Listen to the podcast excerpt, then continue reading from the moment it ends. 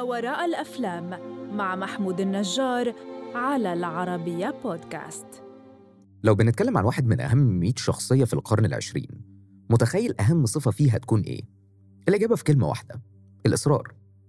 الإصرار هو تيمة حياة ري كروك أو مؤسس ماكدونالدز ومحور فيلمنا النهاردة. الفيلم اللي بيحكي عن قصة بدأت باستمرارية السعي وانتهت بحتمية الوصول. أنا محمود النجار والنهاردة هنتكلم عن ما وراء فيلم The Founder The Founder هو فيلم سيرة ذاتية عن ري كروك رجل أعمال خمسيني. حياته مستقرة وهادية بس مش كفاية بالنسبة للشخص اللي هيبقى الشريك الأهم في سلسلة مطاعم ماكدونالدز واللي هيختار لنفسه مسمى المؤسس أو The Founder لماكدونالدز. ري واللي بيلعب دوره مايكل كيتن كان عنده حاجتين مهمين جدا في حياته العمل والإصرار.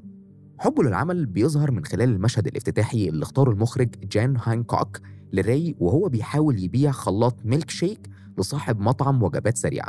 الإصرار بيظهر طول الوقت سواء في خطاب تحفيزي عن الإصرار راي اللي بيشغله في أوضته بعد يوم عمل مرهق وغير موفق أو في المشادات ما بينه وما بين زوجته وهي بتقول له When is enough is enough for you? وهو بيرد عليها وبيقول لها Honestly probably never. والصفة دي تحديدا فري كروك هي اللي هتنقل ماكدونالدز من مجرد مطعم ناجح أبهر ري أول مرة شافه لماكدونالدز اللي محدش في العالم النهاردة ما يعرفوش. الصدفة اللي وصلت ري للأخوين ماكدونالدز كانت طلبية للشركة اللي ري شغال فيها بست خلاطات ميلك شيك. وده كان شيء غريب على ري لأن أول شيء بتشوفه في الفيلم إن ري مش قادر يبيع أي خلاطات ميلك شيك لأي مطعم أصلا فبيتصل يتأكد من الطلبية. ولما بيأكدوها بيروح شخصيا يشوف إيه المطعم ده علشان يقف قدام أول مطعم لماكدونالدز. راي بيشوف أكتر من حاجة غريبة سواء وهو قدام المطعم أول حاجة مفيش أي waitresses نادلات ياخدوا منه ال order تاني حاجة في طابور قدام المطعم تالت حاجة بيطلب طلبه وبيستلمه في خلال 30 ثانية ورابع حاجة إن مفيش مكان ياكل فيه كل شيء من دول خلاه يسأل في كل مرة المفروض أعمل إيه؟ أكل إزاي وفين؟ وإيه السرعة دي؟ كل سؤال برضه بيتجاوب من رواد المكان أو للأشخاص جوه المطعم لأن كلهم هنا عارفين النظام خلاص وكل ده حقيقي فعلا أول مرة راي شاف فيها مطعم ماكدونالدز. كان بسبب طلبيتهم من شركة برنس كاسل لخلاطات الميلك شيك. وبالمناسبة شركة برنس كاسل لسه موجودة ولسه مسؤولة عن توريد خلاطات الميلك شيك لماكدونالدز. راي بيطلب طلبه وبيقعد على كرسي وبياكل في رأيه أحسن برجر على الإطلاق. ووقت ما هو بياكل بيقابل ماك ماكدونالدز واحد من الأخين ماك. ولما راي بيعرفه بنفسه وإنه مورد خلاطات الميلك شيك ماك بيرحب بيه وبيسأله لو مهتم ياخد جولة في المكان علشان راي يقابل أكتر شيء مبهر في حياته المطبخ ونظامه والسرعة والجودة وكل ده بيتم في 30 ثانية بس. انبهار ري خلاه مهتم جدا يعرف القصة ورا المعجزة الحية دي والأخين ماك ما بيمنعوش خالص وبيحكوا الري قصة حلم أخين وصلوا من اللاشيء لمطعم من أنجح المطاعم وقتها وقصتهم بتبدأ بداية مثيرة للاهتمام قوي. لأنهم في الأساس ما كانش حلمهم المطعم كان حلمهم هوليوود. بس الأخين كانوا واقعيين شوية وبيفكروا كويس قوي فلما حلمهم بهوليوود ما نجحش بما يكفي دوروا على أقرب شيء ناجح حواليهم والشيء ده كان عربية هوت دوج هنا ده كان تمهيد حلو قوي في القصة لشكل النجاح ورحلته وإنه مش بالضرورة يعني بيتحقق في حلم الإنسان الأول. فمن حلمهم الأصلي لعربية الهوت دوج عمل واحد من أنجح المطاعم وقتها. وعلى عكس ما بيظهر في الفيلم إن كروك هو أول شخص يخليهم يفتحوا مطاعم بحق الامتياز في الواقع هم كان ليهم 8 فروع مختلفة بحق الامتياز. يعني ناس غير الأخين بيفتحوا مطاعم بتتبع نفس نظام ماكدونالدز وبتحافظ على المعايير اللي الأخين عملوها بنفسهم. وزي ما كان حلمهم إنهم ينجحوا بغض النظر عن شكل النجاح كروك برضه كان زيهم وشاف في مطعمهم نفس اللي شافوه في عربية الهوت دوج. فبدأ يعرض عليهم إنهم يزودوا عدد المطاعم بحق الامتياز.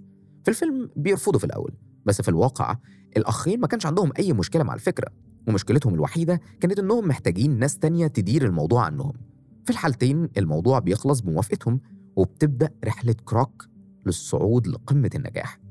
بس النجاح مش سهل وحماس ري هيوقعوا في مشاكل مختلفة معاهم ومع البنك بسبب القروض اللي هيطلبها علشان يوسع مملكة ماكدونالدز اللي هتتوجه حسب مجلة التايمز كأحد أهم الشخصيات في القرن الواحد وعشرين. بس طالما إحنا بنتكلم عن شخص ناجح في وقتنا الحالي فأكيد هيلاقي طريقة يخرج بيها من المشكلة دي. والطريقة دي كانت هاري سانبورن اللي هيبقى أول رئيس ومدير عام لشركة ماكدونالدز. هاري كان معجب جدا بمطاعم ماكدونالدز وما كانش قادر يفهم إزاي ممكن يكون شخص جزء من المطاعم دي عنده مشاكل في تسديد القروض.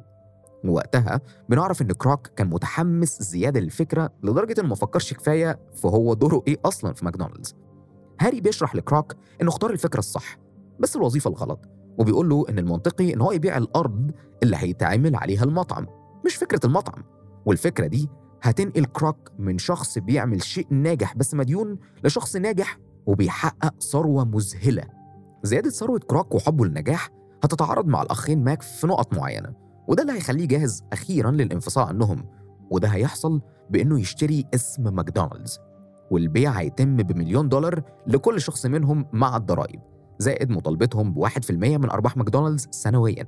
وفي الواقع ده شيء هيحصل بدرامية كبيرة جدا جوه الفيلم والدراما مناسبة لشكل المشادات الحقيقية بينهم. فمثلا الأخين ماك حاولوا إنهم يحتفظوا بالمطعم الأساسي بتاعهم من غير موافقة كروك فكروك حرمهم من الواحد في المية أرباح.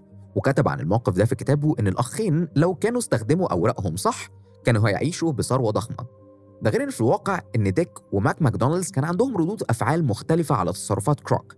فديك بعد ما صفقتهم تمت سافر وكمل حياته وكان كل مشكلته إن كروك كان بيعامل نفسه على إنه المؤسس أو the founder بينما ماك عاش عشر سنين مش قادر يتخطى ولا ي get over حزنه على ماكدونالدز ومات بسبب ضغط الفكر عليه.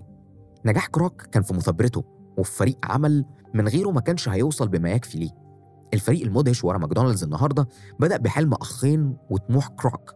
وفكرة سانبورن ده غير الشخصيات زي فريد تيرنر وجون مارتينو سكرتيرة كروك من وقت شركته الأولى واللي هتبقى بسبب ماك أول امرأة مسموح لها بالتجارة في البورصة. الفيلم بشكل عام خفيف وسريع كأنه وجبة سريعة بس في دراما بقدر مناسب جدا بتظهر في الشد والجذب ما بين الأخين ماك وتوتر رحلة صعود وأحيانا هبوط كروك. كمان الفيلم ركز على كروك رجل الأعمال اللي بيشوف في الأشخاص والأفكار أشياء أكبر من الممكن تظهر للأشخاص نفسهم. فبعد بيع اسم ماكدونالدز لكروك ديك ماكدونالدز بيسأل كروك أنت ليه ما سرقتش الفكرة؟ أنت شفت شكل المطبخ وشفت كل أفكارنا وعرفت قصتنا من أول يوم. فكروك بيقول له إنه أكيد مش أول شخص يدخل المطبخ ده وأكيد غيره حاول يسرق فكرتهم. بس كم واحد منهم نجح. كروك كان عارف من أول يوم إنه هيشتري اسم ماكدونالدز وإن نجاحهم كله في اسمهم نفسه. علشان الناس بتثق بصعوبة في الأفكار الجديدة. بس ماكدونالدز كان كسب الثقة دي خلاص. فبقى إيه الأسهل؟ يبدأ من بعدهم ولا يبدأ من الصفر؟